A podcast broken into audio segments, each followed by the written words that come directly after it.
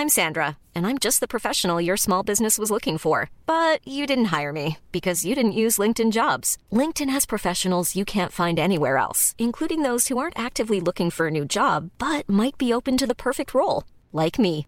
In a given month, over 70% of LinkedIn users don't visit other leading job sites. So if you're not looking on LinkedIn, you'll miss out on great candidates like Sandra. Start hiring professionals like a professional. Post your free job on linkedin.com/people today.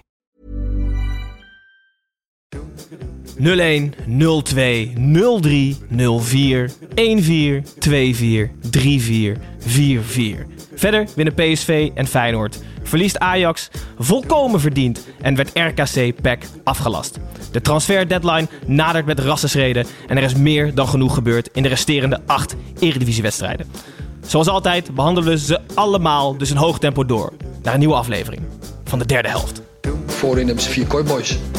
Keuze tussen A of B. Maar soms als C het goed doet, kan B naar eh, C en dan kan eh, eh, D weer op A. Zachtere voeten, zo noem ik het altijd tegen mezelf. Geld maakt niet gelukkig. Maar gelukkig heb ik geld.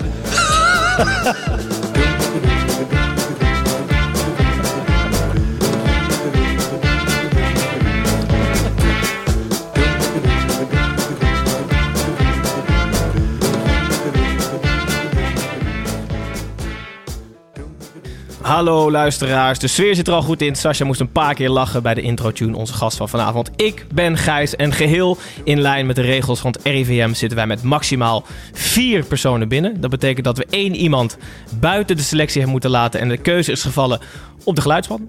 Dus ik ben vanavond niet alleen host, maar ook geluidsman. Het lijkt me heel leuk om dat een keer bij het televisieprogramma te zien trouwens. Heb jij het wel eens meegemaakt, Sascha? Geluidsman en host in één? Eh, nou ja, er zijn een Filemon bijvoorbeeld. Die, doet, heeft, eh, zijn Die hengelt programma's- terwijl die interviewt. Nee, niet echt hengelen, maar die, die zo- zorgt wel dat anderen geluid hebben. Zelf filmt, regisseert en ook nog eens nou, het, het host. Oké, dus Filemon is, eh Filemon is nog veelzijdiger dan ik. Ik heb in ieder geval een dubbelrol vanavond. Zit hier dus met Sascha Visser gast, maar ook met oude vedettes. Of jonge vedettes. Tim en Snijboon. Welkom terug, beide. Ehm, we hebben vandaag de 538 radiolach van Barend van Delen ingeruild. Hij had zich namelijk vergist in de zondagen. Kan iedereen gebeuren. Dus Sascha is van de reservebank gekomen. Sascha Visser. Gooi ik nu onze eigen glaas in? Door te bekennen dat je Nou, de boze glazen- niet die van de derde glazen, helft... Die waren, al, die waren al kapot. Er was echt niks meer om in te gooien bij Sascha. Ehm, Oké, wel super fijn dat je er bent. Ik vind het leuk. Ehm, ik, wel een vraag van onze luisteraars en ook van mezelf eigenlijk. Wat weet Tim van jou dat je toch terug blijft komen? Nee, Tim en ik hebben echt een haat-liefde verhouding. Haat-liefde-haat is het Is meer. dat zo? Ja, ja, ja. Ja. Als jij het zegt, Sascha. Nee, Zij ik- weet niks, eh, niks bijzonders, helaas. nee, ik vind het eigenlijk hartstikke leuk om hier te zijn gewoon. Hartstikke goed. En voor de luisteraars die je niet kennen, je bent hier al een aantal keer geweest. Bij het grote publiek, ben je bekend geworden als acteur van eh, Kees Co. en Onderweg naar Morgen. Je bent presentator geweest bij TMF. Maar bij de derde helft kennen we je vooral als voormalig teamgenoot van Kevin Strootman en Nick Viergever. Je hebt namelijk in alle drie de jeugdopleidingen gespeeld in Rotterdam. Feyenoord, Excelsior en Sparta. Eh, daarom wil Arne, een luisteraar van ons, graag weten of je geen profvoetballer had kunnen worden. Nee, Oké, daar kan ik heel kort over zijn. Dit is de reden dat ik het bij alle drie de opleidingen ook niet heb gered. oké. Ben je uiteindelijk tevreden dat je het niet gehaald hebt? Of vind je het toch diep in je hart nog altijd jammer? Nee, volgens mij heb ik dat wel eens een keer hier eerder verteld. Ik heb met zoveel jongens gespeeld en die hebben het net gered, zeg maar. En net gered, dat is de Jupiler League. En die zag ik dan voorbij komen op een vrijdagavond. En met alle respect, maar dan zat ik op mijn telefoon te kijken... en dan zag ik of ze hadden gescoord of Terwijl ze jij in de waren in ieder geval... met allemaal lekkere of wijn van om je Half dronken. ja, dat is... Ja, helemaal top. Geen spijt van. Oké, heel goed. Eh, Tim Snijboon, we hebben het al even genoeg. Welkom terug. Tim, we hebben vorige week beloofd een pet te verloten. Zo is het. Het liep niet minder dan storm. Het liep, het liep zeer storm. En eh, we gaan nu even bekendmaken wie dat heeft gewonnen. Want ze moesten, ze moesten op ons YouTube-filmpje moesten reageren waarom ze die pet wilden hebben. En het ging eigenlijk tussen twee eh gegadigden. Want die, die waren echt twee die eruit sprongen. Het waren Bas Voor, en... alle, voor alle luisteraars, er volgt nu een heel interessant inkijkje in hoe Tim zijn hoofd werkt. En dus ook hoe je dingen kunt winnen bij de derde helft. Oké, nou ja, Bas die is het niet geworden. Die had zijn reden was: ik wil heel graag het petje winnen. Ik ben jullie grootste fan, want ik heb al jullie afleveringen binnen één dag geluisterd. En bij die afsluiting van het seizoen, waar je bij kon zijn, wou ik komen, maar ik kon niet. Nu verheug ik me elke maandagochtend op een nieuwe aflevering en luisteren met veel plezier. Ga zo door, man. Ik heb vertrouwen in jullie. Die heeft het niet geworden. Eh, Toch bedankt. Ja, maar wie wordt het wel? Ruigert wordt het. Eh, hij had geschreven: ik hoef niet per se zo'n pet. Dus Ruigert, hij komt jouw kant op. Wat is binge-watchen voor podcast eigenlijk? Wat hè? Binge-watchen voor podcast. Ik denk twee koptelefoons op. En dan twee verschillende afleveringen tegelijk. En dan ook nog een keer twee je- snelheid. jullie kijken me vragen aan, maar het was eigenlijk een vraag. Ik weet het ook niet. Eh, Binge listening, toch? Ja, binge listening, listening, denk ja. ik. Ja. Snijboon dacht dan een stapje verder van hoe ziet dat er dan uit als je dan... Snap je? Nee, twee. Nee, ik, Ja. ik Snijder en weten ik- hoe ik zelf podcast luister. Oh ja. Oké. Hij luistert echt alles. Dus uh, Snijboon heeft... Snijboon luistert alles, hij is weer aangeschoven. Snijboon, na de aflasting, je bent ook een beetje het geweten... Afgelasting. Afgelasting, sorry, je hebt helemaal is de gelijk. afgelasting. Afgelasting. Ehm, je bent een beetje het geweten van het RIVM ook. eh, van RKC tegen PEC. Mhm. Ben jij bang dat er op korte termijn meer van zulke afgelastingen volgen? Nou, ik heb gelijk even met Diederik eh, Gommers gebeld. Eh, maar die nam niet op. Wie is Diederik Gommers? Voor de luisteraar, ik weet het natuurlijk wel. Wat is hij officieel? Is hij eh, coördinator van de IC. IC-plekken Ja. in Nederland? Ja, dat is Diederik Gommers. En hij is ook stiefvader van eh Femke Louise tegenwoordig. Ehm, nee, ja, de, de kans is natuurlijk enorm groot met, eh, met het snel toenemende aantal besmettingen. Heb je het Eh, gehoord in Italië met Genoa? 22 Ja, besmette spelers. ja. En die hebben weer spelers van Napoli besmet. En volgens mij wordt het daar weer een klein haartje. Ja, want ja, het is sowieso echt Italië op zijn best weer. Want eh, Napels die moeten dan tegen Juventus spelen. Hebben officieel, net als overigens RKC, niet geno- genoeg besmettingen om het echt af te laten gelasten door de bond. Eh, maar in Nederland zijn we dan gewoon verstandig en wordt er in overleg met de clubarts, arts van de KNVB en, ehm, en de veiligheidsregio wordt gewoon besloten om die wedstrijd niet te spelen. Wat mij heel slim lijkt. Eh, ja, ik, ik zie daar wel wat wedstrijden op volgen ook de komende weken. Er wordt echt eh, afwachten. Laten we hopen van niet. Wordt puzzelen, denk ik, voor de Een KNVB. wedstrijd die wel gespeeld is, in grote getalen verkozen tot... wedstrijd van de week. Van de week. Ik zie jullie helemaal zitten ook bij het inzingen van dit. Dat is tranen met tuiten. Oh. Maar goed, eh Sascha, jouw Feyenoord Mijn verkozen Feyenoord. tot de wedstrijd van de week. Dick Advocaat gooide al dan niet noodgedwongen zijn basisopstelling om voor de wedstrijd tegen Willem II. Hij deed er eigenlijk alles aan om Bozeniek op de bank te houden. Feyenoord poetste een 1-0 achterstand redelijk gemakkelijk weg en won uiteindelijk, mede door de eerste goal van Brian Linsen, met 1-4. Sascha, is dit, Linsen in de spits, de opstelling bij de afwezigheid van Jurgensen? Mm, nou, ik las dus op Twitter van eh Sjoerd Mossou. Die had al een hele leuke. Die zei... Dit is een traditionele eh, trainerstruc om aan het bestuur te laten weten dat hij een nieuwe spits wil. Door gewoon geen spits op te stellen. Dat deed hij dus met Linsen. Maar als je 4-1 wint bij Willem II, wat niet iedereen verwacht... dan eh, geef je misschien niet het juiste signaal af wat je had willen afgeven. Maar Linsen in de spits is wat mij betreft niet echt de oplossing. Nee? Nee. Maar je zegt ook, In een 4-4-2 kan het nog wel, hè? want dat deed hij bij Vitesse ook wel. Alleen in een, in een- als je met één spits speelt, dan is Linse wel een hele rare om op te stellen. Ik denk ook niet, Ah. ik, ik, ik ben er heel erg voor om, om niet in FIFA-opstellingen te spelen. Dus alle beste spelers gewoon op te stellen. Maar gewoon je spelen zoals eh, Linse, die linksbuiten op zijn best is, altijd linksbuiten te zetten. Maar misschien, en Dick Advocaat heeft er toch wel een beetje overzicht, dat hij, eh, dat hij een beetje provoceert.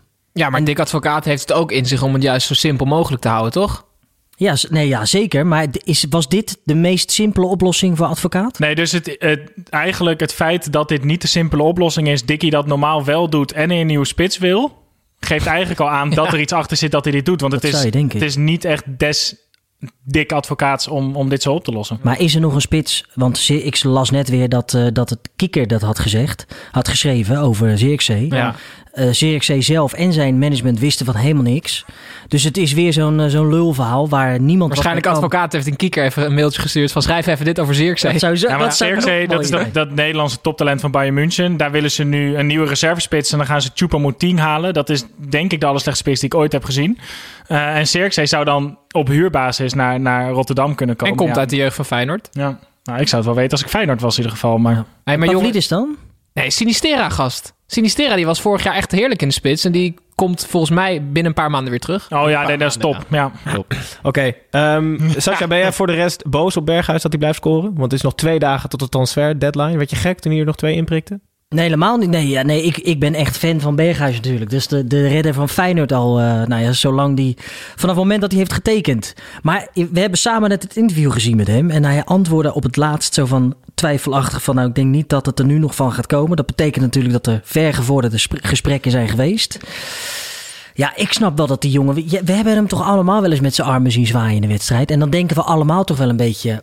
Hoe vaak moet de jongen niet op de training hebben gedacht? Wat sta ik hier nou in hemelsnaam nog te doen? En natuurlijk heeft hij misschien niet een hele beste ervaring gehad in het buitenland.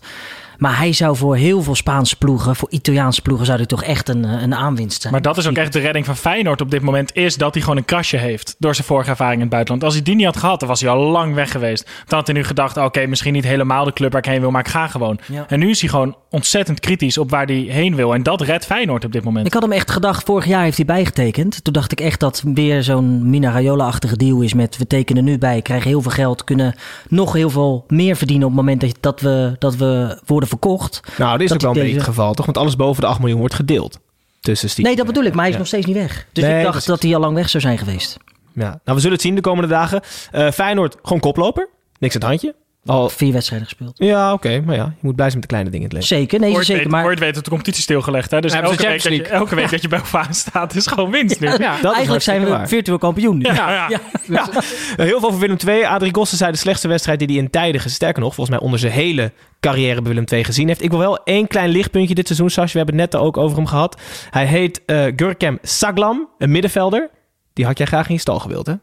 In mijn Als, als hij in mijn zaakwaarnemer was geweest. Als hij Ja, zaakwaarnemer- zeker. Ik Nee, maar zo zijn er nog wel heel veel voetballers waarvan je denkt... zo, dat zou toch lekker zijn als die... die, gaan, die moeten toch sowieso die stap gaan maken.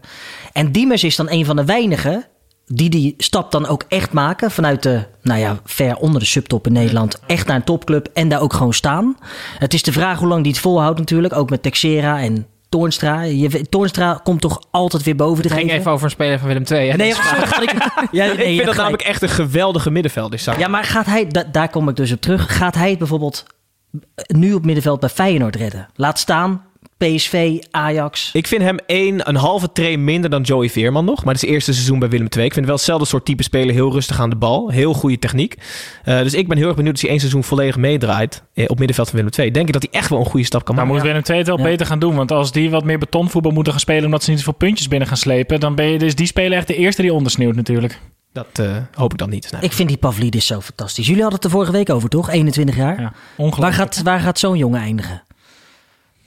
Aan wie vraag je het? Nou, eigenlijk nee, gewoon eh, in het algemeen. Wat denken jullie? Als Boadou weggaat en ik was eh, Max Huibert... dan zou ik het wel weten Ja. bij AZ. Ja. Had ik hem als eerste gehaald. Want Ja. hij is altijd sterker dan ik denk. Hij is altijd sneller dan ik denk. En jonger. sterker, koppen. Ja, hij is altijd jonger. hij is altijd knapper dan ik denk ook. Hartstikke goed. Een stukje speculeren eh, over de spitspositie. Veel besproken is bij PSV. PSV speelde vandaag thuis tegen Fortuna. Wint met 2-0. Eh, redelijk degelijk. In een wedstrijd waarin de grensrechter de man van de wedstrijd was. Vier correct afgekeurde goals. Mag ook wel eens gezegd. Een pluim of misschien wel een vlag in de reet van de grens. PSV begon goed. dat is ook niet complimenteus. Hij vindt hij wel lekker, denk ik. Maar voor, PSV begon goed, maar Fortuna werd beter en beter tot Madueke eh, vlak voor tijd de 2-0 binnenschoot. Tim, Ja. het enige constante bij PSV is de haargroei van Jorrit Hendricks. Wat is er allemaal aan de hand? Ja, heb je dat gezien of niet? Hendricks is naar Turkije gegaan voor zijn Maar bedoel je, wat, Natuurlijk heb ik dat wat is er aan de hand? Ik bedoel niet met het haargroei van Jorrit Hendricks, Ja. maar ik bedoel met PSV. Oh, ja, ik had, het er, ik had het er van tevoren met jou over, Gijs. Het lijkt erop alsof Schmid een soort eh, die club indoctrineert en van binnen kapot wil maken. Ze hebben deze week, gaan ze Baumgartel gaan ze verhuren. Voel hem toch? Fulham. Ze hebben Bruma verhuurd. Wat betekent dat ze voor 25 miljoen aan aankopen verhuurd hebben. Daar krijgen ze dus niks voor terug. Niet één speler krijgt het constant het vertrouwen. Oké, één speler, dat is Rosario. En die speelt dan ook meteen het best. Nee, maar ik vind het juist heel knap. Oh ja, jij wilde nog wat afmaken. hè? Maar ik vind het juist heel knap dat je als PSV durft te zeggen nu... Baumgartel is toch niet wat we hadden gedacht. Bruma heeft misschien wel veel meer negatieve invloed dan positieve invloed. Mm. Laten we alsjeblieft afscheid nemen en het hoofdstuk afsluiten. Ik denk dat dat namelijk gewoon wel weer iets van andere energie brengt in zo'n ploeg. En ja, dat geld krijg je toch niet meer terug. Dat weet je niet. Eén ding is zeker, dat geld krijg je niet meer terug. Als je moet toch ontzettend... Dit is toch, zelfs een huurbasis is het bijna Houdini... dat je Bruma nog ergens weet te slaan. Ja, dat hoor. Echt wel, maar- ongekend. Maar ja, ik had ze dan allebei verkocht en niet verhuurd. Ja, maar dan, ja, maar daar kan je voor die kiezen, opties, hè? ik denk natuurlijk dat John de Jong dat ook echt wel het liefst zou willen. Tim zou echt wel een primis prima technisch directeur zijn van de club. Ja. Ja, nee, maar voetbalmanager. Ja, 10 miljoen. nee, maar op voetbalmanager kan je natuurlijk zeggen: we gaan jou gewoon verkopen. Ja, nee, En precies. het echt niet. Nee, het echt kan dat niet. Want Baumgartel heeft toch ook niet eh, waargemaakt waar hij voor is eh, gekomen, toch? maar Nee, dan vraag ik me niet. toch af... er staat een Premier League club voor hem in de rij. Dus blijkbaar Fulham wil hem. Dus wat... Stijf onderaan, hè? Ja, dat En is niet, be- ook- niet bekend om goed beleid. ook. Nee, dat is waar. laten Nou, dat is eigenlijk best logisch transfer. Nou ja, ook een beetje. eh, ja, volgens mij, eh, wat, wat kunnen we nog? Wat kunnen we nog aan. eh, en zo'n nieuwe transfer. Dat je, er zijn ook genoeg voorbeelden van, van spelers die zijn gehaald. die bij een club vandaan komen waar ze niks hebben gepresteerd. En die ineens ergens wel weer een nieuw elan kunnen brengen. Dus ik vind het alleen maar hartstikke knap van PSV dat ze, dat ze dit soort spelers gewoon eh, durven weg te doen. Leuk, leuk inzicht. Ja, ik vind het gewoon jammer dat die trainer niemand duidelijkheid geeft. Ik vind als kijker vind ik het lekker als ik duidelijkheid heb, Gijs. En er st- stonden weer allemaal andere spelers in vandaag. Ik ben groot fan trouwens van Madueke. Hoezo, sta- hoezo jij- denk jij juist geen duidelijkheid dan? Ja, te- ik, ben, ik ben er ook niet zo'n fan van dat, dat relatiesysteem. Nee, maar hij, hij kan niet heel veel andere kanten op, toch? Want het was ook allemaal niet fantastisch, toch? Nee, dat ja. Nee, maar hij had wel... eh, eh, vorige week stond Iataren met, met Boema erin. Nu stond Sahavi met Malen. Het is wel, het is wel heel Nee, maar erg Sascha, schitterend. jij doet, jij doet alsof het, PSV, of alsof het Feyenoord is onder Mario Been. Alsof ze vorig jaar tiende zijn geworden. Maar er stond gewoon echt al een prima ploeg. En hij, er komt nu een trainer binnen. In principe Mr. Nobody die bij Leverkusen matig gepresteerd heeft. En Vond dan- jij ze echt voor je PSV goed vorig jaar? Nou, ik vond ze echt prima. Ik vond het verschrikkelijk. Oké, nou in ze ieder zijn geval... Euro- Europa League uit, eh, uitgeknikkerd door Lask. Nou, dat... dat Goeie dat, ploeg, hè? Nee, dat- sorry, daar heb ik helemaal niks mee. Maar Iataren bijvoorbeeld is geblesseerd, dus hij moest daar iemand anders voor opstellen. Ja, vandaag Ja, maar hij had, ja, maar hij had hem anders ook niet opgesteld. Want dat heeft hij hiervoor ook niet gedaan. Dus er, er, er wees weinig op dat Iataren nu ook had opgesteld. Want hij, Nou, hij vindt die junior betrouwbaarder namelijk. Jij vindt dus dat hij niet eens zo heel veel roleert, maar eigenlijk best wel logische keuzes. Nou, nee, maakt, of- toevallig is het vorige week te sprake gekomen dat het. Hoe pak je zo'n jongen, zo'n Iataren aan? Hoe kan je die prikkelen? Doe je dat door één lijn te trekken en iedereen is hetzelfde en ik zie alleen maar heel zwart-wit spelers. Ben je goed op de training, dan speel je in de wedstrijd. Mhm. Of ga je dit soort jongens een voorkeursbehandeling geven omdat ze het talent hebben? Maar hoe lang hou je dat weer vol? Dat is een beetje de vraag, hoe je met dit soort jongens omgaat. Ja. Denk ik. Afvallei kijk, bijvoorbeeld. iedereen vindt het ook heel, heel vervelend voor Iataren, maar we vinden het vooral denk vervelend dat we een hele goede voetballer niet zien. Maar aan de andere kant, als hij dit niet weet te overwinnen, namelijk een tegenslag bij PSV, terwijl hij weet dat als hij in vorm is dat hij dit niveau gewoon aan kan, dan weet je ook eigenlijk dat het daarna misschien ook wel fout was gegaan. Dus juist op deze leeftijd bij een club waar je je thuis voelt, deze tegenslag krijgen om mee om te gaan en daar bovenop komen, kan hem in de rest van zijn carrière heel veel opleveren als hij hier bovenop komt. Het is nu aan Iataren zelf om gewoon even zijn schouders eronder te zetten. En dat kan die binnen twee maanden gewoon te laten zien dat hij de beste speler van PSV Ja, is. maar dat, ik denk dat dat veel moeilijker is dan, dan we nu op voorhand doen lijken. Want hij heeft vorig jaar ook heel veel wedstrijden gespeeld waar wij van dachten... Misschien moet jij eruit. Misschien kan jij een wisseltje gebruiken. Ja. Maar toen bleef hij toch staan omdat het Iatarin eh is. En wij denken dat dat zo'n groot talent is die door moet gaan breken en dadelijk PSV moet gaan redden. Dat iedereen wil ook vooral gewoon heel graag dat hij het haalt. ja, Ja. nee, zeker dat. Ja. Ja. Hij heeft net eh, helaas wel afgezegd voor Oranje, waar hij wel bij zat, eh wegens de blessure die jij net genoemd hebt, eh Sascha. Maar PSV won gewoon wel. eh, ouderwets degelijk, zou ik bijna willen zeggen. Niet met sprankelend spel, maar wel met de nul. Ook wel eens lekker. Ehm, vrijdagavond was het FC Utrecht tegen SC Heerenveen. Voor deze wedstrijd waren beide ploegen ongeslagen. Zij is nog steeds. Uiteraard was het weer een veerman die scoorde na weer een ketser van Maarten Paas. Utrecht was daarna veel beter, maar ondanks een geniale Gustafsson en dankzij een egoïstische Mahi bleef het bij 1-1. Hij roste de bal namelijk echt letterlijk in de laatste seconde op de paal. Over palen gesproken, Johnny Jansen wordt vader en het schijnt...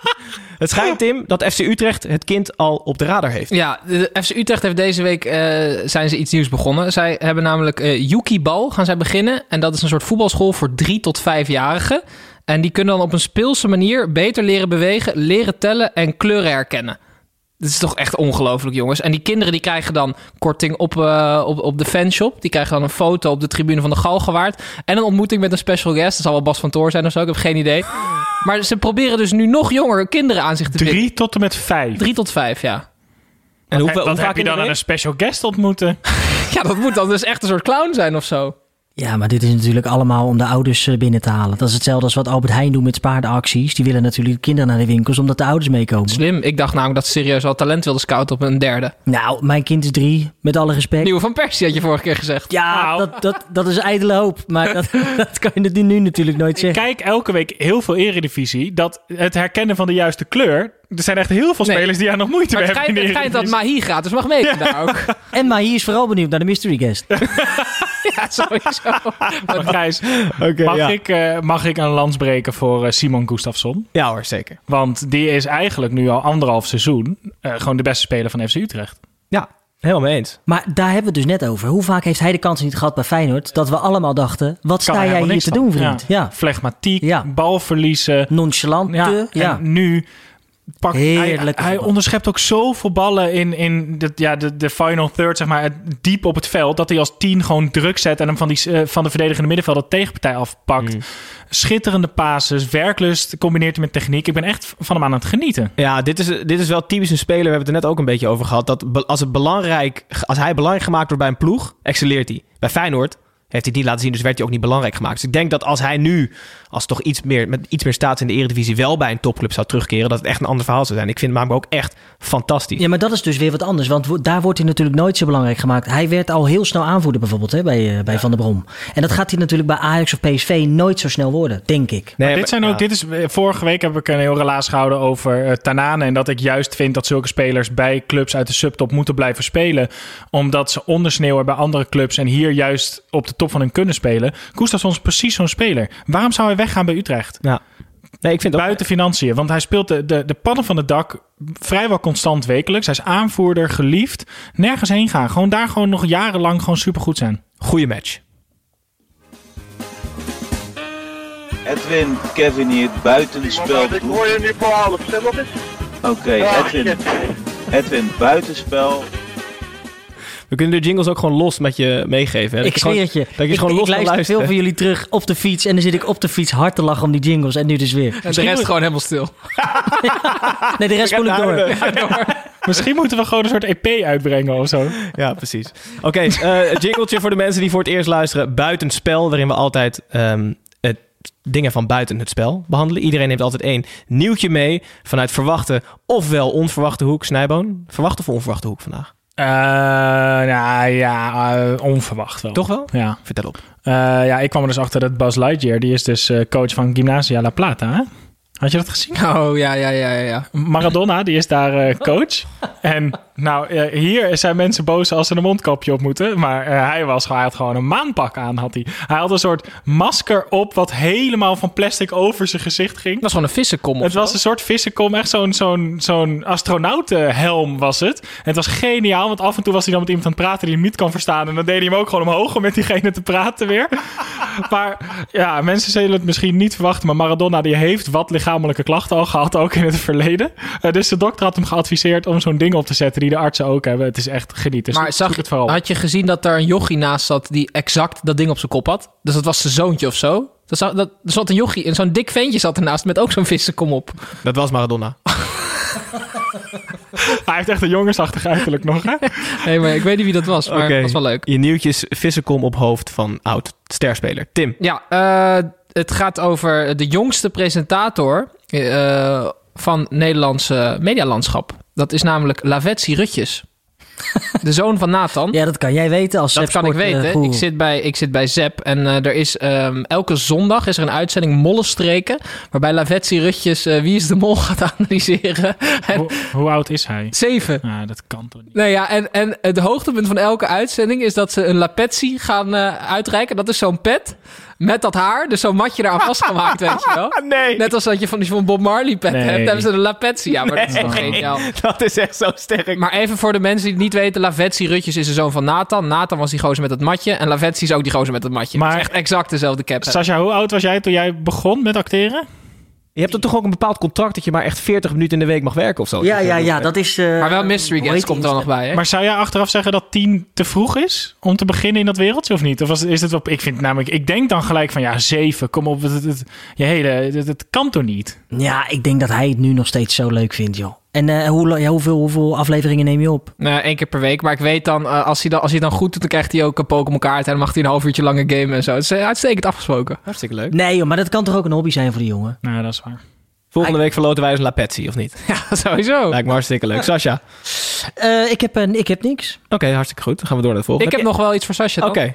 toch? Ja, Wel klasse dat hij hier ook komt en wij accepteren het ook gewoon dat hij zegt ik heb niks. Ja, precies. prima. Gijs, wat is het alternatief Ik was nu dan? helemaal Ja, verbolgen over de opdrachten die ik meekreeg van Tim Nier. ja, ik gaf hem drie potjes. Ja. Tim Nier kwam eerst met een heel kut verhaal. Toen probeerde ik grappig te doen met een heel kut verhaal terug. Waar hij niet op reageerde. Toen dacht ik, oké, gaan we hard to get spelen. Fijne teringhond. Toen kwam hij dus weer terug met kan je dan en dan. Toen dacht ik, ga je even laten wachten. Op het allerlaatste moment zei ik, nou is goed, kom wel eventjes. En toen zei hij, ga je, kom je dan mee eten? Toen dacht ik, ja, dit, jij gaat nog iets meer vragen. Toen zei hij, ik heb drie potjes voor je. Waarvan twee op, de, op hetzelfde tijdstip. Oh, maar daarom zei je eerst dat je wel mee had. Toen kreeg je die drie potjes. Toen zei je, nou, donder op. Dan heet ik ook niet mee. Nee, precies. Sascha, je kan die buitenspel ook in je reet. Oké, het buitenspelletje. Ja, we gaan zeker. Het buitenspelletje is dat wij Tim niet meer onze gasten moeten proberen te laten regelen. Communicatie is zeer matig. Dan gaan we door naar Vitesse tegen Heracles. Het werd 3-0. Wederom een onderronse tussen twee Duitse trainers in de Eredivisie. Beide ploegen traden aan in hun 5-3-2. Uiteindelijk bleek de formatie van Lech, Vitesse dus, veel sterker dan Heracles. Wederom aan de handen van Bazoer en Tanane. Heerlijke voetballen, Bazoer. Ik wil, dat was net de vraag. Heerlijk. Rendeert hij het best als centrale verdediger nu? Een vrije rol, soort Auspoetser van vroeger? Nou ja, blijkbaar is, is dat nu zijn positie. En is dat, geeft dat hem iets, meer, iets minder druk. Ik kan me ook voorstellen, want hij was namelijk wel heel goed in de tijd dat hij daar net bij Ajax begon. Was hij fantastisch op middenveld. Toen was hij nog zo jong. Toen maakte hij dus die stap naar het buitenland. Nu is hij terug. En misschien is dat wel te veel druk voor hem op middenveld. Met te veel om zich heen. Nu heeft hij het spel voor zich. En dat is blijkbaar zijn spel. Maar ik had dus met Santi, heb ik heel vaak de discussie. Santi Kolk, even Santi Kolk, hoe goed is Bazoer? Ik zeg altijd, die is Nederlands, Nederlandse top. Hij zegt, ik vind hem altijd eh, overschat. Vinden jullie? Ik, kijk, wat het grote voordeel is en dat hij nu centraal achterin speelt, is dat hij alleen maar vooruit hoeft door te stappen. En als middenvelder, waar het altijd misging bij Bazoer, hij haat het gewoon om terug te rennen. Daar heeft hij gewoon een broodje dood aan, dus dat doet hij gewoon niet. En nu is centrale verdediger, hij heeft superveel spel-inzicht, dus hij hoeft alleen maar vooruit te stappen en ballen af te pakken. En dat vindt hij dus geweldig om te doen. En dan heeft hij ook nog eens de bal, kan hij vooruit voetballen. Ik vind hem echt... Voor de Geweldige lange trap ook. Geweldige lange trap. En natuurlijk, af en toe gaat het fout. Want zoals hij zelf dan ook zegt, ik leg veel risico in mijn spel. Nou, dan verlies je hem af en toe. Maar voor elke eredivisieclub buiten de top drie is hij daar gewoon fantastisch. Hartstikke goed. Maar in het centrum? Ja, en zeker met drie, centraal, met drie centraal wel. Omdat je de twee verdedigers naast kan zetten. Dus je hebt gewoon mensen die achter hem de, de klusjes op kunnen ruimen. En je hebt wel, in tegenstelling tot 90% van de Nederlandse clubs... iemand achterin staan die kan voetballen. Ja. En hij Want- stapt ook wel vaak door in het middenveld. Heb Ja. ik wel, heb ik wel Ja. vaak. Want die andere clubs hebben daar gewoon allemaal mensen staan. Die hebben gewoon twee schoffels als benen. En die, die, die, go- die gooien af en toe een lange bal. Ja, maar die kunnen gewoon niet opbouwen, de Dat is meeste. Nou goed, ik vind het eh, knap van Letch hoe die het heeft neergezet. Om zijn Zeer, zeer belangrijkste leuk. spelers. Iemand die het zeer matig heeft neergezet is Erik ten Hag eh, bij FC Groningen. Het werd namelijk 1-0 voor FC Groningen tegen Ajax. Een traditioneel lastige uitwedstrijd bij Groningen bleek andermaal erg lastig. Een slap en redelijk kansloos Ajax verloor volledig verdiend. De 19-jarige debutant Remco Balk, wie kent hem niet, bleek uiteindelijk de matchwinner. Snijboon, hoe kan het toch dat Ajax zo slecht voorbereid leek op het spel van FC Groningen? Een basisdebutant, hè, Balk. Ehm, nou, ik dacht vooral dat... eh, ik, ik wilde eigenlijk wel beginnen met een soort shout-out naar Groningen. Want die deden voor het eerst in weken... deden ze waar hun selectie voor gebouwd is. Namelijk de lange bal spelen, aansluiten en hoog druk zetten. Vorige week speelden ze tegen Twente. Probeerden ze eh, uit alle macht van achteruit op te bouwen. Dat ging alleen maar mis. En nu kwamen ze... Volgens mij zijn ze er deze week achter gekomen... dat ze een hele lange spits hebben. en dachten ze, joh, laat hem daar gewoon de hele tijd aan geven. Als die het kopduel wint, hebben we kleine jongens daaromheen. En die balk, geweldig. Klein mannetje uit de eigen, eigen jeugdopleiding. 70 minuten zich het snot voor de ogen gerend en toen gewisseld. Ehm, daarbij bleef Buis de hele tijd Ajax echt hoog vastzetten. Ook met de Hou wissels daar die hij druk, deed. hou daar druk. Ja, Tim die, zei. Tim die zei als... Ik heb eh, het honderd keer gehoord. ja, als ze 50 cent kregen voor elke keer dat eh Buis riep hoog druk zetten, was Groningen uit de financiële problemen. Eh, Ruim. Dus Groningen had het wel echt goed voor elkaar. En het verbaasde mij dat, kijk, dat je daar als Ajax de eerste 10 minuten niet mee kon omgaan, dat kan gebeuren. Maar dat ze daar 90 minuten lang geen antwoord op hadden, dat Ja. vond ik echt schrikbarend. Ja. Vrijbrief ook hè, voor de tegenstanders in de Champions League straks, maar ook in, in de competitie om te spelen zoals Groningen doet. Toch? Ik zat meteen te denken dat, dat Midtjylland uit Denemarken is niet heel veel eh, slechter dan eh, Groningen hoor. Dat is gewoon echt een, echt een veel betere ploeg. Ja, precies. Ehm, dus daar gaat Ajax heel veel problemen krijgen. Maar Gijs, Tim. Bij FC Groningen zei die commentator zo van... ja, ze missen wat creativiteit, want die Roestic is nu weggegaan naar Frankfurt. Maar onder een trainer als Buis gaat niet één creatieve speler renderen. Dat kan ik je nu al vertellen. Want die krijgt altijd te veel opdrachten. Die Buis is echt super gedisciplineerd, on-Nederlands, best wel goed ook. Ehm, dus dat, dat, dat, dat, gaat, dat gaat gewoon nooit gebeuren. Dus je moet gewoon machines hebben. En dat vind ik heel erg leuk. Heb je dat nog gehoord van die Alessio da Cruz? Die, die speler die... Ja, die En hebben weggekaapt uit het stadion van PEC, Hij- ongeveer ontvoerd. Ja, ja hij, hij sliep toch in het stadion van PEC of zo? ja. Onder die medische keuring. En toen tekende hij bij Groningen. Maar hoe is die, hoe is die, een weg, Groningen hoe is die afgereisd. weggepikt dan door Groningen? Nou, ze hebben hem Gewoon via zijn zaakwaarnemer een aanbod gedaan. Had niet getekend. Zag die cijfers en is naar Groningen gereden. Heb je dat interview gezien met, eh, eh, hoe heet hij nou? Flederis. directeur? Ja. Ja. die, was, eh, ja die, die antwoorden waren al een beetje vaag. Hè? Ja, ik snap Henk Timmer wel hoor, wat hij zei. Ja, Toch? Van, eh, voor de mensen die het niet gezien hebben, die zei... even fladeren, ze draaiden er heel erg omheen. Weet je wel, ja, oh ja, Zwolle heeft ook een bot gedaan. Weet je, draai er niet omheen. Zeg gewoon wat er is gebeurd. Dat je, weet je, het is, het, hij heeft, het Zwolle heeft ook niet het alleenrecht op die jongen, toch? Nee, en een beter Ja, bot is is een beter bot. ja, dat is dus waar. dat heeft eh, Groningen gewoon gedaan. Hey, maar ge- geven we Groningen niet te veel eh, Nou, ik lof wilde, nu ik, voor de wedstrijd ik van wilde vandaag? net aan jou vragen, Sascha. Zou jij Labiat in de spits zetten? Nooit. Zou jij Promes op 10 zetten? Mm, s- eh, daar zou ik wat minder eh, eh, zwart-wit op antwoorden, denk ik. Omdat hij heeft gewoon een heel andere techniek. Is veel sneller, is veel wendbaarder dan, eh, dan Labiat. Het gaat over de opstelling van Ajax en Snijboon is niet helemaal overtuigd van. Nee, we, we- Ik vond met name Gravenberg een beetje tegenvallen. ja, die was wat. eh, ja, dit is classic Gravenberg natuurlijk. Als het niet loopt, dan ziet het er gelijk zo uit bij Gravenberg. Maar Snijboon, even terug naar je eerste punt. Tadic is eigenlijk, heeft heel lang niet meer op linksbuiten gespeeld. Labiat is eigenlijk geen spits en Promes is geen 10. Dat is wat je Promes is, was volgens mij de gevaarlijkste speler van Ajax op links, omdat hij als enige diep gaat zonder bal. Nu was het weer, niemand ging diep. Labiat vind ik gewoon echt geen spits. Ik vind het gewoon schandalig dat die jongen daar staat. Dat is een nummer 10 die ook op rechts kan spelen. Je hebt Lassina Traoré, heb je op de bank en Huntelaar. Ik snap er gewoon niks van dat Labiat eerste spits van Ajax Hij heeft sowieso dvd's van Ten Hag Snijboon. Maar eh, is het niet bij, voor nummer 10 belangrijk dat je eh, eh, gaat nadenken voordat je die bal krijgt? Promes die krijgt de bal en gaat dan nadenken. Dat werkt bij Ajax toch niet op nummer 10, of wel? Ik vind Ik- het echt een hele ook, ja. eendimensionale speler wat dat betreft. Kijk, hij kan natuurlijk ontzettend goed renderen op het moment dat Ziyech iets bedenkt. Maar hij kan zelf niks bedenken. En dat is echt wel een verschil. Nou, hij kan, hij kan toch wel met zijn individuele actie van uh, Ja, maar Sascha, hij, hij krijgt de bal in zijn voeten en dan gaat hij nadenken. Hij kan redelijk dribbelen, maar ik, ik, ik vind het echt op 10 vind ik hem veel te, veel te eh, weinig overzicht hebben hoor. Ik vind zijn alle... Ik ben, ik ben helemaal niet in de rol om mening te geven... maar ik vind zijn allerbeste kwaliteit... eh, vind ik eh, het moment van diep gaan kiezen... waar hij vorig seizoen heel vaak gescoord heeft. En als je Wel vanuit- op ballen van Ziyech, hè? Dat wel wel ballen van dat is wel een, een kleine kanttekening. Maar als je dat als 10 doet... loop je tegen een vrijstaande centrale verdediger aan. Want je hebt maar één spits. En terwijl als je er achter een back aan, als je achter een back vrij loopt, ben je helemaal vrij. Is er niemand die je op kan vangen. Dus ik vind hem echt veel beter aan de flank. Ik vind een 10 is altijd iemand met een fluwele techniek, Gustafsson. creativiteit, die zijn steekpaasjes geeft. Dat heeft hij allemaal niet. En dat is gewoon heel erg jammer op die positie. Ik zit nu te denken, want we zeiden, we, hebben, we hadden het er eh, voordat we gingen opnemen over dat, dat het de kracht van advocaat is, dat hij dan over tijdens de uit- uitzending net ook al, dat advocaat de mensen op hun sterkste plek zet, omdat ze daar het best tot hun recht komen. Ik heb nu gewoon het gevoel dat Ten Hag met Tadic, Promes en Labiat ze alle drie op de verkeerde plek heeft staan, terwijl hun sterkste posities allemaal dan beschikbaar worden. Want Labiat kan je gewoon op Ja. 10 zetten, dan zet je Promes op links en Tadic in de spits. Volgens mij speel je dan elke wedstrijd beter dan dat je nu tegen Groningen deed. Ja, en eh, heel een linkje naar het transferbeleid. De Kleiber is al genoeg over gezegd en geschreven. Die heeft inmiddels getekend. Klaassen is nu ook officieel rond. In ieder geval, de clubs zijn eruit. Dat kan wel een 10 worden. Of is, dat, of, is dat, of is hij niet de verlosser van die positie? Ja, nee, je, je, je gaat naar een mindere versie van Donny van de Beek. Dus dat, dat vind ik jammer. En ik denk dat heel veel Ajax-fans dat ook jammer vinden. Je gaat er niet op vooruit. Alleen je selectie wordt breder, maar ja, daar word ik niet warm of koud van. Ik denk wel dat je duidelijk kan zien dat er iets mist op het middenveld momenteel bij Ajax. Dus dan snap ik heel goed dat je, dat je Klaassen terughaalt. Ja, dat bedrag, ja, dat, dat is nou eenmaal wat, wat hij kost in deze markt. Ik vind Helemaal zo laat nog. Ja. Ik vind het 11 eigenlijk wel een logische, een veilige aankoop. Maar misschien is deze periode wel om, om verstandige dingen te doen en niet eh, hele rare dingen. Over geen rare dingen gesproken. Ik ben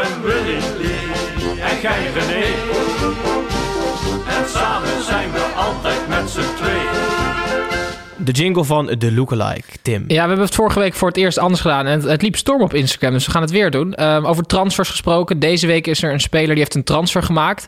Eh, en die- ja, die heeft ontzettend veel weg van Dave Bautista. Die eh, in Guardians of the Galaxy een rol speelt, Snijboon. Je hebt die film wel eens gezien. Zeker, meermaals. Maar, ehm, Volgens mij hebben we die film wel eens samen gezien. Serieus. Nee, ik heb die film nooit gezien. Hm. Ehm, maar eh, ik- deze is van iemand.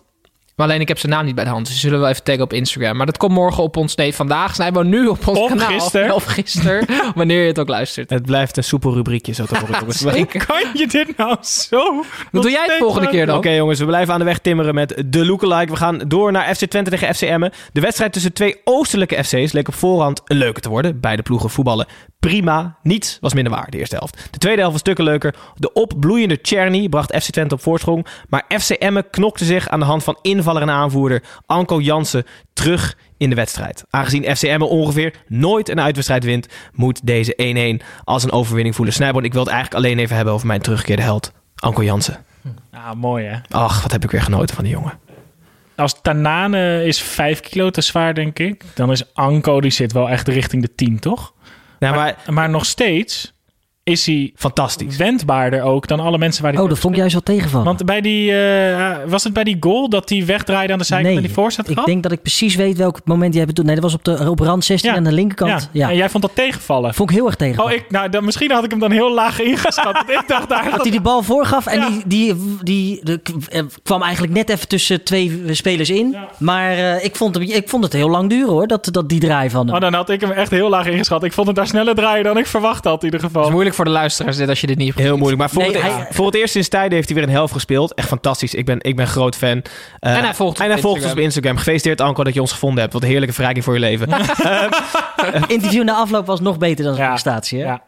Wat een heerlijk interview. Maar hij wist natuurlijk, hij wist, hij weet, twee weken geleden wist hij al welke vragen er... Zeker, maar dan is het dus, de- hoe reageer je erop? Geen. Tanana zou denk ik heel anders reageren. Eh Bazoer zou anders reageren. Maar hoe hij reageert, de manier waarop Pascal Kamperman zo halfslachtig die Het ging die over dat hij een kilootje te zwaar was. Kilootje, ja, dat vonden ze met name in de studio, toch? Zei Ja, hij. ja, ja. En dat vind ik helemaal slap als je dat als journalist gewoon niet zelf... die, dat valt die je zelf mensen ook achter op. mij, die hebben gezegd dat je Ja, zwaar ja, bent. precies. ja, zo van, we Ik gooien samen op. helemaal niet. Ja, ja, ja. Maar dan eh, zo van, ja, dan wat, wat zei hij nou? Dan moet jij weten of zo? Of eh, moeten jullie lekker zelf weten? Ja. Of, Ja, precies. Ja. Hij zei gewoon, ik ben weer blij dat ik weer terug ben. Een kilootje dit, een kilootje Ja. zus, dat moeten jullie allemaal zelf weten. Of Ja, maar wat een goed. heerlijke voetballer. Ja, lekker man. Schitterend, toch? Voor eeuwig bij Emma blijven. Maar wel te dik. Maar zou hij bijvoorbeeld een stapje, zou hij Utrecht aan kunnen? Maar- maar- Fit. Ja, fit zeker. Ja, maar hij wordt nooit meer fit, Nee. denk ik. Dit is Anko Jansen fit. Dit is Anko Jansen. Ik denk ook niet dat hij het nog hoog moet proberen, want dan hij door, weer alles af. Ik, eh, ik ga doordrukken. Ondanks dat FC Twente even feliciteren met 8 uit 4. Ja, hartstikke leuk. MC Ron Jans heeft het echt fantastisch voor elkaar. Ja, hartstikke goed. Of iemand dit nou weten wil. Dat boeit me niet ontzettend veel, want ik heb Wie maakt weer een deze dingen? beetje voor je mee. Je maakt hem allemaal zelf? En jullie, jullie zingen ze zelf in ook? Ja, tuurlijk. Ja, absoluut. Ja, dit was een, eh, Tim, voor als je het nog niet herkent dan. Tim neemt elke week een weetje dat we niet willen weten mee. Ik weet dus niet of dit voor de eerste keer is in de vaderlandse voetbalgeschiedenis. Maar er zijn een hoofdtrainer en een assistenttrainer in de huidige eh, eredivisie die samenwonen. Wisten jullie dat? Een wat? Een Een hoofd... hoofdtrainer met zijn assistent. Maar in een eh, eh, liefdevolle relationele sfeer. Nee, Dus gewoon niet dat ik weet. roommates. Nou, dit gaat niet bij een topclub eh, door de beugel kunnen. Is dit in de Eredivisie? Zeker. Ik denk Hofland Ulte dan. Die hoor, zat ik want ook eigenlijk Die delen, denken, die ja. delen to- toch hun functietitel ook al. Het zijn Danny Buis en Adrie Poldervaart. Die ja? Samen? Ja, ja, ja. ja. De, het gezin van Danny Buis heeft recent eh, de biezen gepakt en eh, is naar de Randstad teruggegaan, naar het westen. En Danny Buis die zit nu bij Adrie Poldervaart in, het, eh, in hetzelfde huis. Dat is top. Dan Ik kan heb je geen details over bedden of stapelbedden of iets anders. Oh, zo'n stapelbed lijkt me fantastisch. In de vorm van een auto dan. En dat ze dan gaan praten tot ze in slaap vallen. Maar samen met Adrie Poldervaart is heerlijk, want hij is ook fysio. Dus Ja. terwijl je de opstelling doorneemt, kan hij even je kuiten losgooien nog. Maar ik Wel een hele dat, sympathieke vent. ik hoop ook hè? dat hij zijn stembanden een beetje kan masseren. Want hij heeft lopen geschreeuwd, jonge Danny. Dus dan krijgt hij vanavond een kopje thee met honing van Adrie. Dat is toch heerlijk? Nee, dan heeft hij zo, dat zie je altijd, zo'n buis in zo'n flesje dan, weet je wel, dat je zo uit moet blazen om, eh, om je stembanden te trainen. Dat ken ik Nee, dat ken ik. Jawel, dat doet de andere Hazes heeft er. Met zo'n enorme plastic rietje erin. Ja, dat. Ja, We dwalen weer zo ontzettend af. Maar Ik wel vond leuk, best wel on point nog, hoor. wel om te, leuk om te weten dat Danny Buis samen met... Ja, had ik niet willen missen. Nee, thanks jongens. Was sarcastisch volgens mij van hem, hè? Wat we ook niet wilden missen is de, laatste, de eerste minuten en de laatste minuten van VVV ADO. De eerste vier minuten waren geweldig. De volgende 87 dramatisch. Het, werd namelijk, het stond namelijk 1-1 na vier minuten in Venlo. En eh, de laatste seconde, ADO-debutant met twee voornamen, David Philip. Hij viel in eh, en scoorde de winnende goal. En om de ADO-fans te pleasen juichte hij als Koos P. Hoe kan dat, Tim? Waarom doet hij dat? Nee, als een eh ooievaar. Nou, dat was gewoon een kraamvogel, Maar jullie hoor. weten, Koos ken je toch wel, de darter? Ja, tuurlijk. Die, die deed altijd, als hij een wedstrijd won, kan je zo, hij- doet hij zo'n kraanvogel deed hij na. En dat is precies wat die David Philip deed. Maar hij wilde een soort ooievaar nadoen, dus eh, dat. Maar ehm, Bumpertje. Kan dat na Nee. één wedstrijd? Oh. Mag dat? Ja, ik vind, ik vind het prima. Dat is toch leuk? Ja? Ja. Oké. Maar ik, ik wil het nog heel veel met Sascha hebben over de voetbalmanager eh, aankoop van VVV. Ante Koric. Dat is eh, een 23-jarige Kroaat. Stond dit wedstrijdje in mijn lijstje? Nee, zeker niet. Maar ik, ik wil het je even vragen gewoon. Want dit is een speler... eh, ken je Ante Koric van Voetbalmanager of heb je nooit van gehoord? Nooit hij zit een beetje in mijn hoofd qua gevoel tussen Eudegaard en Hal- Halilovic in. En dan Hartstikke leuk, ja. Wel iets meer richting Halilovic waarschijnlijk. Ja. Maar deze jongen debuteerde op zijn 17e, 18e of zo in de Kroatische ploeg. Dus hij kan supergoed voetballen. En dan ligt het dus alleen aan zijn mentaliteit dat hij nu nog eigenlijk Yildirim niks heeft ook gepresteerd bij het Nederlands elftal gevoetbald. Dus dat is niet altijd ehm, een gegeven. Ja, dat, Yildirim was op FM niet heel erg goed. Maar Koric wel supergoed. Hij heeft drie ton volgers op eh, Instagram. Ehm, dat is iets meer dan VVV. Die hebben er volgens mij 40k of zo. Eh, ik ben echt heel erg benieuwd naar hem. Ik, ik, ik snap echt niet hoe Stan Valks dat voor elkaar krijgt. Want wat is er, Snij? Die, go- die gozer is alleen maar verhuurd aan Serie B-clubs. Dat is, je doet nu alsof hij nog steeds in de Kroatische ploeg voetbalt. Die gozer is Ja, dat is compleet door het ijs gezakt. die, die is, die, die Dit dankt was ook God een op zijn- voetbalmanager 2008. Ja, die dankt God op zijn blote knieën dat hij van die trap op de koel eh, af mag lopen Mag wat om een donderen. wedstrijd te spelen. Ja. Nou, ik ben echt We houden wel in de benieuwd. gaten. We houden hem in de gaten. Hij zit Eerste vast in drie- voetbalmanager. Eerste drie punten van ADO dit seizoen. Hartstikke leuk. Wie nog steeds volgens mij wacht op de eerste overwinning. Ik laat even stil te vallen. AZ. Jezus, wat een wedstrijd. In de intro hebben we hem al benoemd. Dit was echt Zeker de letterlijk... best voor last, hoor. Ja, de wedstrijd van de laatste 40 jaar. Het is dat AZ en Sparta beide zo laag op de ranglijst staan. Anders hadden we hem uiteraard eerder behandeld. Voor de tweede keer ooit in het betaalde voetbal kwam een, kwam een ploeg terug van een 4-0 achterstand. AZ speelde volgens Koopmeiners een bijna perfecte eerste helft. Ben ik wel benieuwd naar zijn mening over de tweede. Die heb ik niet gehoord. Aan de hand van een blunderend bizot voltooide Sparta de ongelofelijke comeback door in de laatste minuut de 4-4 te maken. Sascha, we hebben het net over voetbalmanager gehad. Wat heb jij gedaan of wat zou jij gedaan hebben als dit op jouw voetbalmanager game gebeurde? 4-0 voor. Ja, dan had ik hem eind vorig jaar al uitgezet.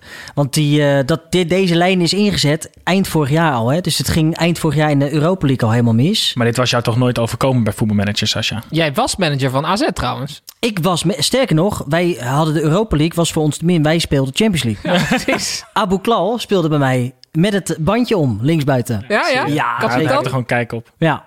Nee, ja, maar dit is, het, is, het is zonde, man. Als je ziet wat die jongens... Koopmeiners, Stenks, Boadu, dat soort jongens waren vorig jaar toch... Dat, wa, dat was toch onze hoop. We hoopten toch dat dit zo door zou zetten. Dat ze allemaal het Nederlands elftal in zouden gaan. Dat ze allemaal naar het EK zouden gaan. En als je dit nu allemaal ziet, ja, is het pech. Dit heeft natuurlijk niks met kwaliteit te maken, toch? Dit is gewoon, ze zitten in de hoek waar de klappen vallen. Ja, maar is dat echt zo makkelijk? Nee, maar ik denk dat het, het al, wat het meest sprekend was, dus eh, de, het interview van Koopmeiners na de wedstrijd, dat hij zei, als ik die penalty erin schiet, dan staat het 5-0 en is er niks aan de hand. Nou, er was volgens mij iets, iets wel, er was veel meer aan de hand dan alleen de penalty, toch? Ja, maar bij 4-0 is er eigenlijk ook al niks aan de hand, toch? Nee, natuurlijk niet. Hij, Nee, dat bedoel ik. Nee, Ja, dat zeg dat ik. slaat ja. Hij wilde zeggen, op. als ik die 5 had gemaakt, dan hadden we Dan was echt klaar. Ja. Dan was het Ja. echt klaar. Nee, ongelooflijk Het is echt problematisch hoor. 4-0 bij rust. 4-2 rode kaart. Bizot, blunder Bizot. En in de allerlaatste minuut maakte Sparta 4-4. Hoe eh, had één van ons in de kleedkamer van Sparta willen zitten in de rust? Met Henk Vrezen-Frazer? Er is geen engere manager dan Henk Vrezer. Ik denk, dus, Nee, ik nee, denk dus nee. niet dat hij boos wordt. Ik, dat heb ik dus exact hetzelfde. hij is kalm. Ik denk dat wat, wat hij Ja, nou maar dat is nog enger, toch? Hij, hij was toen trainer, dat zal ik me... Dat zal ik nooit meer vergeten. Omdat ik dus ook dacht dat Henk Vrezen zo'n zo'n harde trainer was. Maar iedereen die toen in zijn lichting zat, die, die onder hem speelde, die, ze- die liepen met hem weg. Want hij sprak letterlijk de straattaal. En dat heeft hij nu bij Sparta heeft hij gewoon doorgevoerd. Het is zo'n lieve, eerlijke, oprechte man. Althans, dat hoor ik dan vanuit die gasten. En niet dat ik ze allemaal spreek natuurlijk, maar dat zijn de verhalen die ik wel eens hoor. En dan denk ik helemaal niet dat hij juist dat hij zo hard is in de rust, maar dat hij ze eerder op hun gevoel raakt dan dat hij ze wil kwet. Want ik denk ook niet dat dat werkt bij heel veel Nee. van de jongens die bij Sparta Ik denk dat de jongens dus ook die van het veld lopen, dat die bijna eerder denken: oh shit, oh shit, oh shit, ik heb Henk helemaal teleurgesteld. Zoiets, wel? ja, dan, ja, en dat ja, je ja. denkt: oké, ik moet echt opgaan. In vroeger, plaats van dat je helemaal zeiden, bevroren daar naar binnen Ik ben niet boos. Ben teleurgesteld. Teleurgesteld, ja. Oh, dan moest je je bergen hoor. Nee, echt, eh, echt bizar. 4-4 voor de, de laatste keer dat het gebeurde was 19. 69. Snijboom was net uit de puberteit volgens mij toen, of niet? Nee, ruim al wel. Ruim uit de puberteit, ruim uit de Hey, maar puberteit. Gijs, Ja, ik wil het eigenlijk even over Idrissi hebben. Ook een heel erg leuke stap, vind ik. Van AZ Oké, naar Sevilla. over. Voor 12 miljoen. Ik vind het een hele goede eh, transfer. Vind het Heel leuk. leuk voor hem toch ook? Ja. Fantastische club. Wat Maduro ook eh, terecht zei eh, vanochtend, daar had ik nog helemaal niet aan gedacht. Maar Sevilla is helemaal Zuid-Spanje. Hij speelt voor het Marokkaanse elftal. Hij heeft nog eh, veel familie daar wonen. Dat is best wel dichtbij Marokko. Dus voor hem, als voor zijn internationale carrière, is het ook best wel een logische stap om daar in die hoek te gaan zitten. Is Idrissi beter dan Berghuis, zit ik te denken? Goeie vraag. Nee. Ja, ik vind hem wel veel minder rendement hebben. Dan Nou, vorig jaar was hij wel aan hoor. Ja, maar ik vind, hem te, ik vind Berghuis ook echt een leider. Maar En ik dat vind, ik vind Idrissi een, een opwindender buitenspeler. Ik vind Berghuis eh, zou ik eerder op 10 zetten bijvoorbeeld. Dat vind ik een technischer, eh, vaardiger speler. Maar ik vind Idrissi explosiever. En eh, ik zou liever Idrissi in mijn team willen hebben. Het Ja? is sowieso wel interessant natuurlijk dat in Nederland gaat, ging en gaat het vooral over die de echte Nederlandse jongens. Dat zeg ik met aanhalingstekens, omdat dat de jongens zijn die voor Oranje hebben gekozen. Dan krijg je automatisch meer aandacht in Nederland. Uh, maar dat Idrissi nu de stap naar een Sevilla maakt. Terwijl die andere jongens die voetballen allemaal nog bij AZ. Ja. Dus in het buitenland staat Idrissi er toch gewoon misschien wel beter op. Gijs, nog even over Idrissi. Ja. Hij is voor 2 miljoen van Groningen naar AZ gegaan. Ja. En er was zo'n eh, eh, databedrijf. En die hebben toen al die transfers geanalyseerd in Nederland. En die kwamen tot de conclusie dat Idrissi voor veel te weinig weg was gegaan toen. Ja. Dus Groningen heeft nog gewoon veel te makkelijk laten gaan. Die zouden nu ook wel denken van godverdimme. Die hebben wel een uh, doorverkooppercentage. Dat heb ik ook Dat is gehoord. wel ja. altijd met Groningen. hè. Daar gaat iedereen gaat daar eigenlijk te goedkoop weg. Ja. Alle echt goede spelers. Van Dijk, Suarez. Die hebben allemaal niet opgebracht wat ze op zouden moeten brengen. Goed, AZ gaf weer een enorme voorsprong weg naar 1-3. En het eerste punt voor Sparta is daar. Hallo fans, wie gaat er zinnen? Hier is Tom. Dus we zitten alweer in blessuretijd. We sluiten af met vragen van fans. Ook voor jou, Sascha. De eerste vraag van Ed Daan Vedelinde. Uh, die vindt dat je nog steeds een boyband look hebt. Met welke eredivisie-spelers zou jij graag een boyband willen vormen? Uh, Ja, wil je de lekkerste zijn in de boyband? Dat is dan, want dan... Dan Beugelsdijk. Ja, Weet je wil wel een beetje de Robbie Williams zijn... dat jij als enige daarna gewoon solo kan gaan nog. Jezus, meen je wil overvallen? Nee, dan wil ik sowieso een boyband uh, met vormen met Anko Jansen. Met dat lijkt me toch zo leuk. Nee, dan Dat ben je eigenlijk zo met z'n drieën.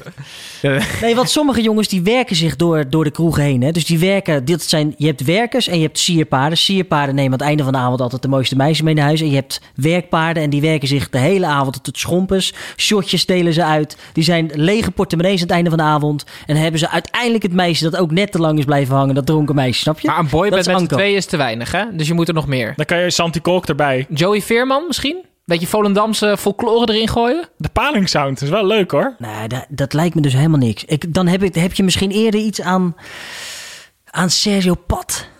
Zo, echt zo'n bierzuiper of zo. Ja, die, maar die is ook wel eng hè. Die gaat ook wel gewoon vechten denk ik. Nou, dat weet ik trouwens wel zeker, want dat doet hij in de trein al.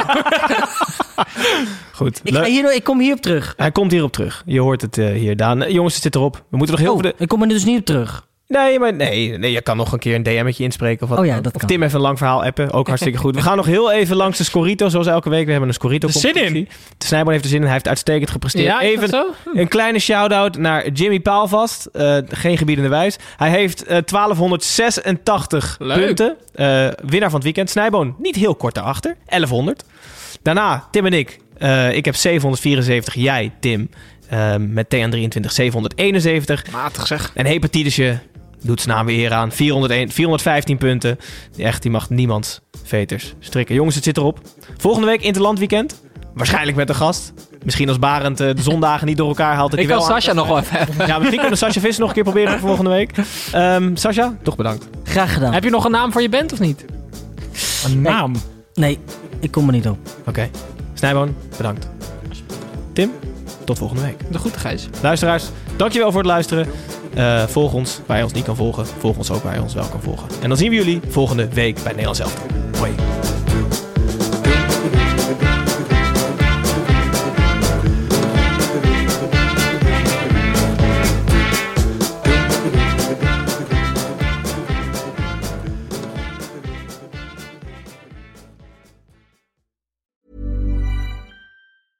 Mom deserves the best, and there's no better place to shop for Mother's Day than Whole Foods Market. They're your destination for unbeatable savings, from premium gifts to show-stopping flowers and irresistible desserts. Start by saving 33% with Prime on all body care and candles. Then get a 15-stem bunch of tulips for just $9.99 each with Prime. Round out Mom's menu with festive rosé, irresistible berry chantilly cake, and more special treats. Come celebrate Mother's Day at Whole Foods Market.